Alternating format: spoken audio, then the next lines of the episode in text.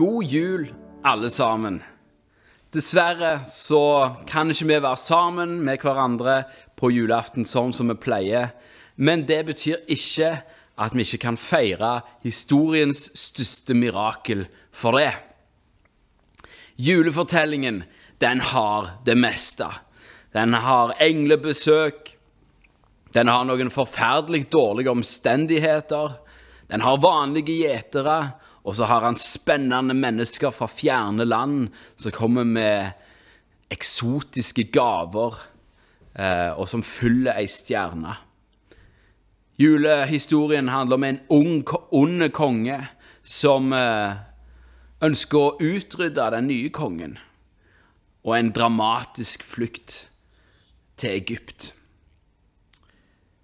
Historien som vi liker å fortelle gang på gang, og som vi, alltid synger om, det er den at et barn er født i Betlehem.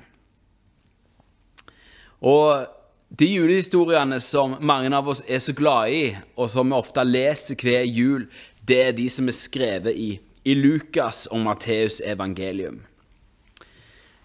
Men den kanskje viktigste fortellingen om Jesu fødsel, den er skrevet i starten av Johannesevangeliet.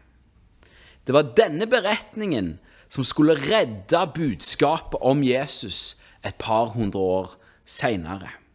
Så i dag, istedenfor å lese fra Lukas 2, så skal vi lese fra Johannes 1. Vi skal lese versene 1 5 og 9 14. I begynnelsen var Ordet, og Ordet var hos Gud, og Ordet var Gud. Han var i begynnelsen hos Gud. Alt er blitt til ved ham, og uten ham er ikke noe blitt til av alt som er blitt til. I ham var liv, og livet var menneskenes lys. Og lyset skinner i mørket, og mørket tok ikke imot det. Det sanne lys, som opplyser hvert menneske, var i ferd med å komme til verden. Han var i verden, og verden er blitt til ved ham, og verden kjente ham ikke. Han kom til sitt eget, og hans egne tok ikke imot ham. Men alle dem som tok imot ham, dem ga han rett til å bli Guds barn, de som tror på hans navn. De er ikke født av blod, heller ikke av kjøds vilje, men av Gud. Og ordet ble kjød og tok bolig iblant oss, og vi så hans herlighet, en herlighet som den en enbåren sønn har fra sin far, full av nåde og sannhet. I århundrene som fulgte, så skulle åpningen av Johannesevangeliet være avgjørende for at evangeliets budskap overlevde. Fordi ganske tidlig etter at eh, Jesus hadde dødd og stått opp igjen, og disiplene eh, hadde reist ut og forkynt, og mange av dem var døde, så, så eh, begynte det å komme forskjellige oppfatninger om hvem Jesus var. Og de havna alle sammen i én av to grøfter.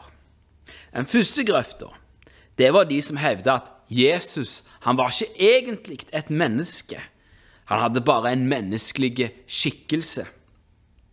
En sånn en retning som kaltes for gnostisisme.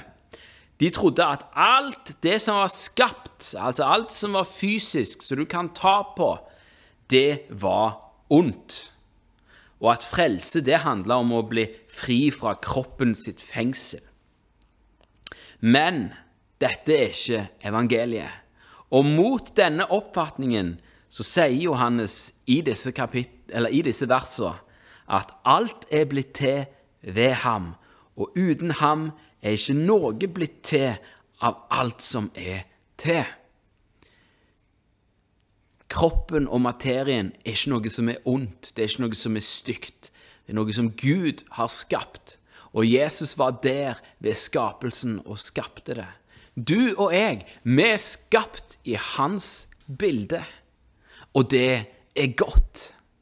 Derfor skal ikke vi se med forakt på det som er skapt, verken på oss sjøl eller på andre. Nei, for de er skapt i Guds bilde. De er vakkert skapt. De er skapt av Gud far, og de er skapt av Guds sønn, for han var òg der. En annen grøft man kunne gå i, det var de som hevda at Jesus han var ikke Gud, bare et veldig godt menneske.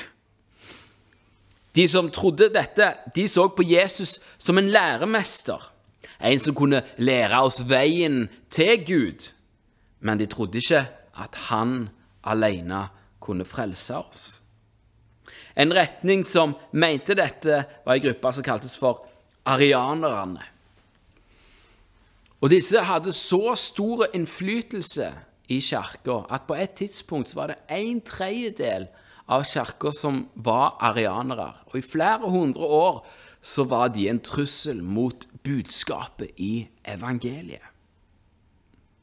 Mot de så sier, Jesus, nei, sier Johannes at ordet var hos Gud, og ordet var Gud.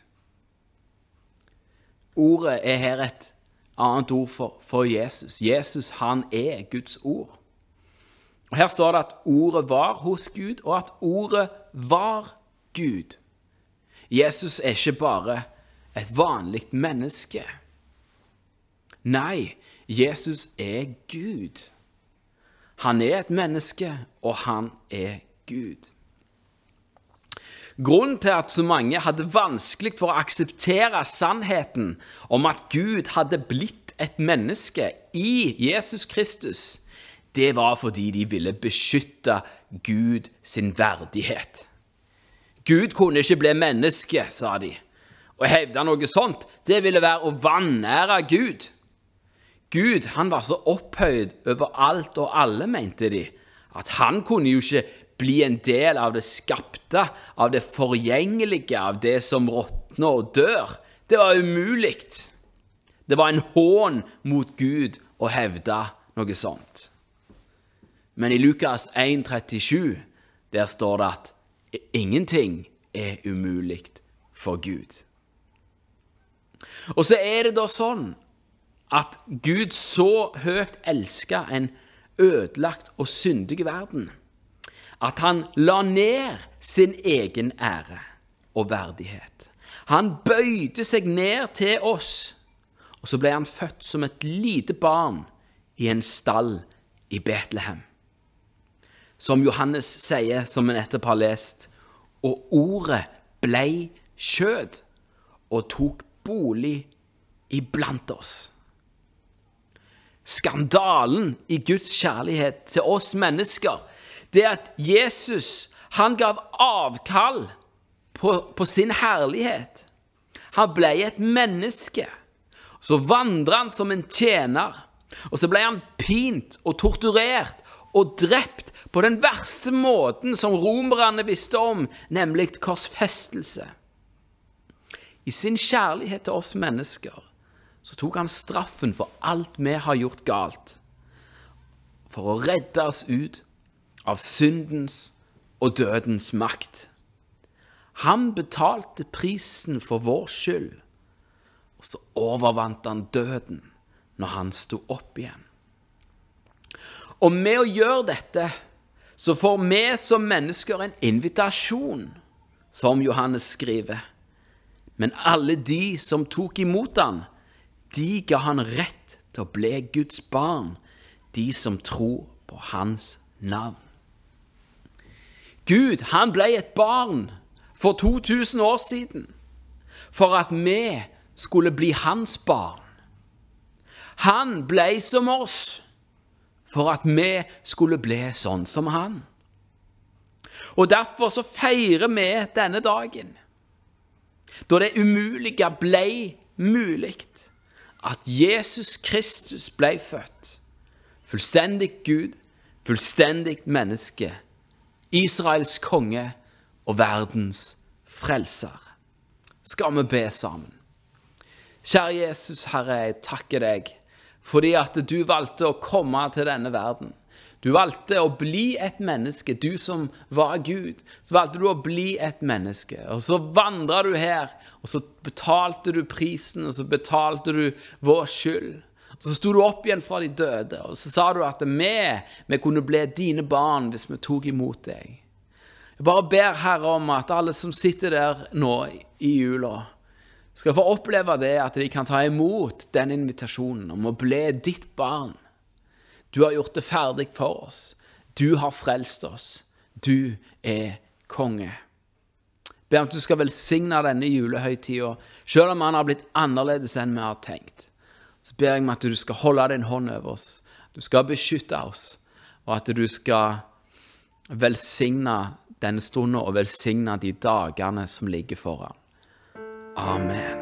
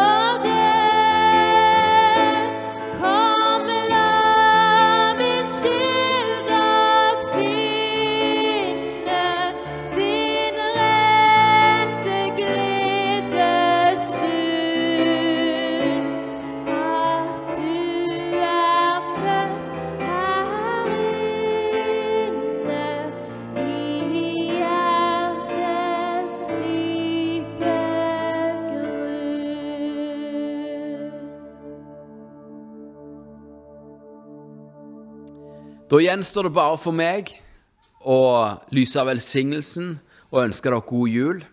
Så vil jeg lyse velsignelsen for dere.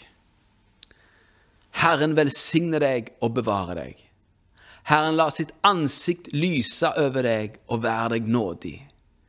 Herren løfte sitt åsyn på deg og gi deg fred. Da er det bare for meg å ønske dere ei riktig god jul og et godt nyttår. Og så ses vi på andre sida av nyåret. Ha det bra.